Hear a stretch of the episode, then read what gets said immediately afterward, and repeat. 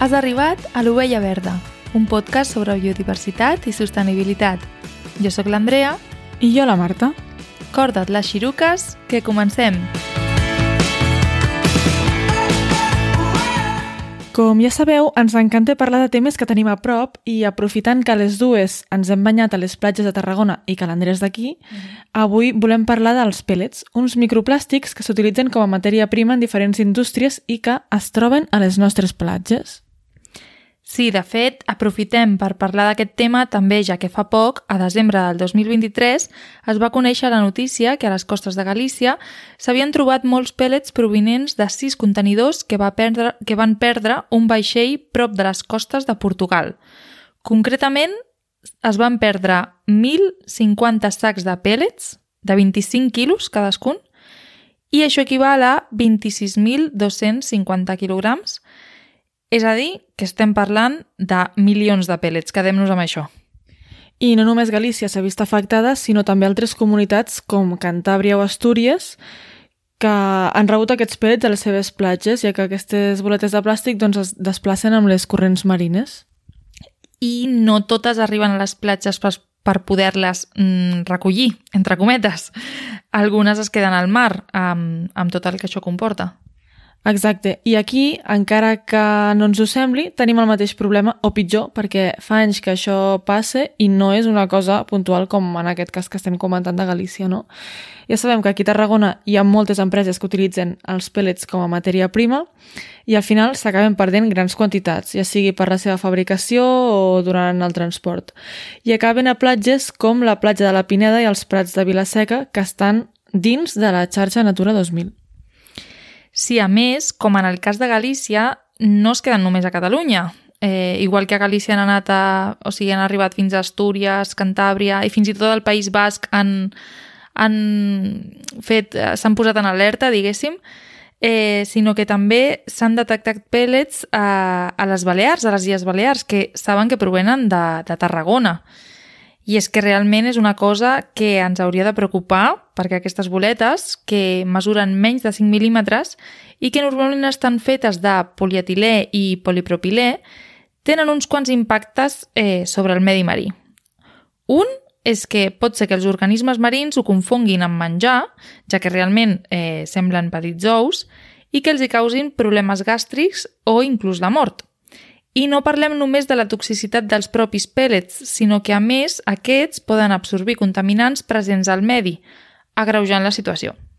Sí, i no només afecta directament als animals que s'ho mengen, sinó que afecta a tots els nivells de la cadena tròfica, perquè els animals que es mengen aquests animals que ja s'han menjat els pèl·lets també quedaran afectats. Ja sabeu, eh, de que el peix gros menja el peix petit i que a més aquest peix gros al llarg de la seva vida menja molts peixos petits, per tant es va acumulant. Un altre és que els pèl·lets no només poden ser ingerits, sinó que es poden degradar en partícules encara més petites, i en comptes de microplàstics ja parlaríem de nanoplàstics, i poden ser filtrats per organismes filtradors, com moluscos i crustacis, que després, per cert, nosaltres ens acabem menjant. Un altre dels impactes que tenen és que poden actuar com a disruptors endocrins, és a dir, que pot alterar l'equilibri hormonal dels organismes i a més poden tenir substàncies adherides a elles, com additius, que n'hi ha de molts tipus. Un és el retardant de flama, per exemple, perquè no s'incendin, i no sabem fins a quin punt es poden alliberar dels plàstics i tenir un efecte encara més nociu sobre les espècies.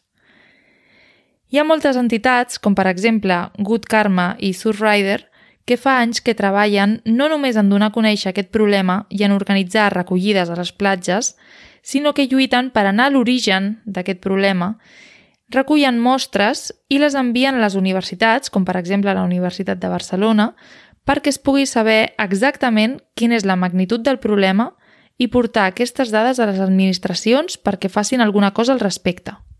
Sí, de fet, aquestes dues entitats, eh, juntament amb, amb Insta, una assessoria jurídica ambiental, han aconseguit que l'administració accepti a tràmit un procediment d'exigència de responsabilitat ambiental amb el que l'administració investigarà si hi ha o no doncs, aquesta responsabilitat ambiental per part de les empreses que estan relacionades no?